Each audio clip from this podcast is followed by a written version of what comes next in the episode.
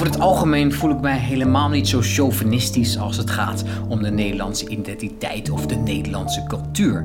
Maar toen ik het verfilmde boek Wild las van schrijfster Cheryl Strait, kwam het chauvinisme in spiegelvorm opzetten. Het boek gaat over de zware en eenzame wandeltocht die de schrijfster maakt op een moeilijk moment in haar leven.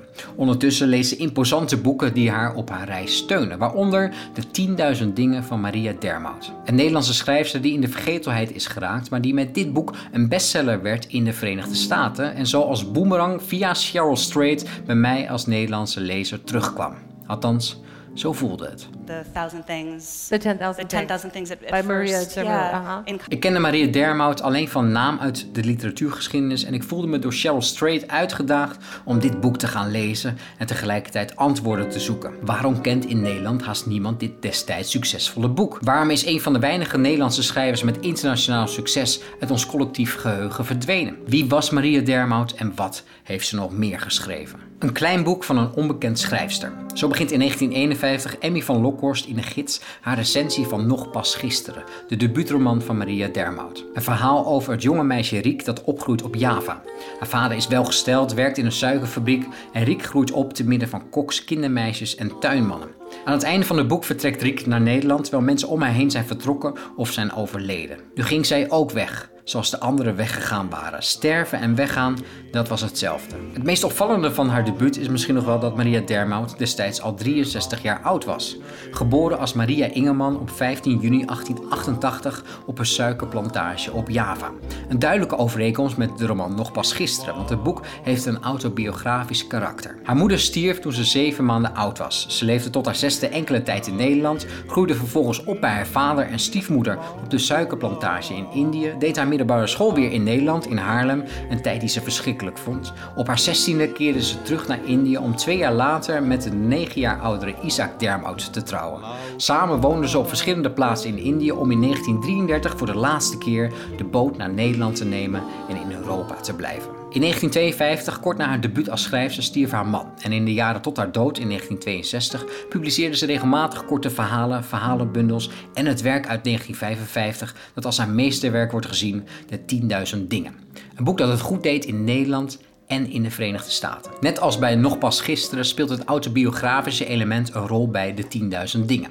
Zo speelt het zich af op een eiland met een binnen- en buitenbaai, net zoals het Molukse eiland Ambon, waar de schrijfster van 1910 tot 1914 heeft gewoond. Ook de dood van haar eigen zoon Hans, die in een jappenkamp stierf aan het einde van de Tweede Wereldoorlog, is duidelijk verwerkt in deze roman. En zo kun je een aantal autobiografische elementen terugvinden in het werk, maar het is niet wat het boek zo bijzonder maakt. De 10.000 dingen is een spiritueel boek met aandacht voor religie, bijgeloof en Oosterse filosofie. De kracht van het verhaal is onder andere dat het nergens zweverig wordt. En dat heeft te maken met de zakelijke en de analyserende toon van Dermout. Ze maakt daarbij zoveel gebruik van opsommingen dat een lezer dit als saai kan ervaren. Maar de wereld van het eiland met verschillende tuinen, kruiden, specerijen en ingestorte huizen wordt aangevuld met een mystieke kracht van gruwelen uit het verleden. De 10.000 dingen bestaat uit zes hoofdstukken. In het eerste hoofdstuk, het eiland, wordt er ingezoomd op de couleur lokaal, de plaats van handeling. En zonder dat je het eigenlijk doorhebt, zit de tekst vol met verwijzingen naar dingen die nog gaan gebeuren. In de tuin Kleintjes ontmoeten we het belangrijkste personage, mevrouw Felicia Kleintjes. Het hoofdstuk eindigt met de dood van haar zoon die sneuvelt als officier in het leger. De drie daaropvolgende hoofdstukken zijn moordverhalen rondom verschillende personages. De posthouder die zijn vier vrouwen terroriseert, de verleidelijke Constance en de jaloerse matroos en een naïeve Schots-Nederlandse professor wiens dood al op cryptische wijze was voorspeld door een waarzegster. In het laatste hoofdstuk keren we terug bij de inmiddels oud geworden mevrouw Kleintjes, die jaarlijks tijdens alle zielen al haar personeel wegstuurt en daarbij wordt bezocht door de doden. En dat zijn dus de doden uit de vorige hoofdstukken. Het motto voor in het boek vormt het centrale thema en komt uit het Taoïsme. Wanneer de 10.000 dingen gezien zijn in hun eenheid, keren we terug tot het begin en blijven waar wij altijd geweest zijn. Het gaat over de samenhang die er bestaat op de wereld tussen natuur, dingen, herinneringen, de levende en de doden. De samenhang van alles. De krachtigste gedachte die het boek uitspreekt is dat het doodgaan dus net zo belangrijk of normaal of essentieel is als de wil om te leven. Wat opvalt is dat de samenhang van alle dingen ook terug te vinden is in de structuur en de motieven van het boek.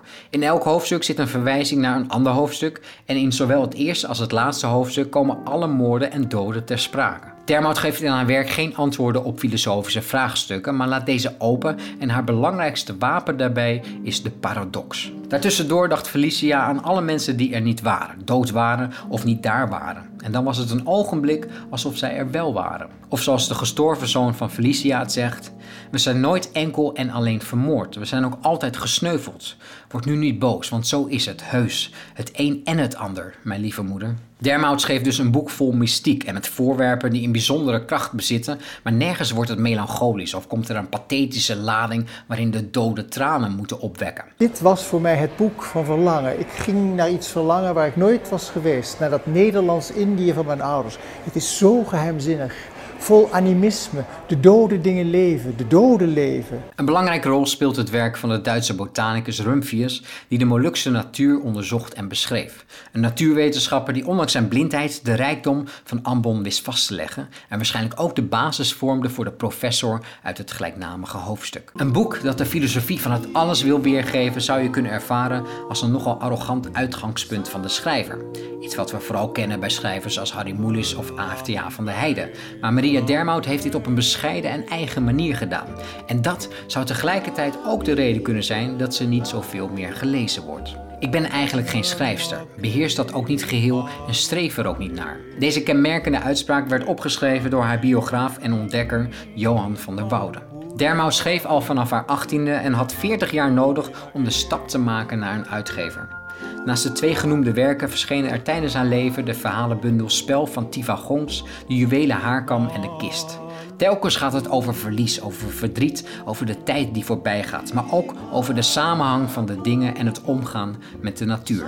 Een geduldige schrijfster die niet het ego had om zichzelf als auteur centraal te zetten, maar die haar schrijftalent in Indië en Nederland heeft laten rijpen om een oeuvre van niet meer dan 600 pagina's na te laten, dat misschien niet toegankelijk genoeg is voor het grote publiek. Tijdens haar leven werd ze meerdere malen bekroond, waaronder de Tollensprijs voor haar oeuvre. Het meest opmerkelijke blijft toch dat deze haast vergeten schrijfster in 1958 in één adem werd genoemd met grootheden als Vladimir Nabokov en Truman Capote. De laatste herdruk in Amerika van de 10.000 dingen stamt uit 2002 en wordt begeleid door de volgende tekst op de achterflap. A magical work, like nothing else Dutch or European literature has seen before. An ecstatic ode to nature and life. Een boek dat in Amerika als klassieker wordt gezien en met zulke superlatieven wordt beschreven, daar moet toch iets bijzonders mee aan de hand zijn.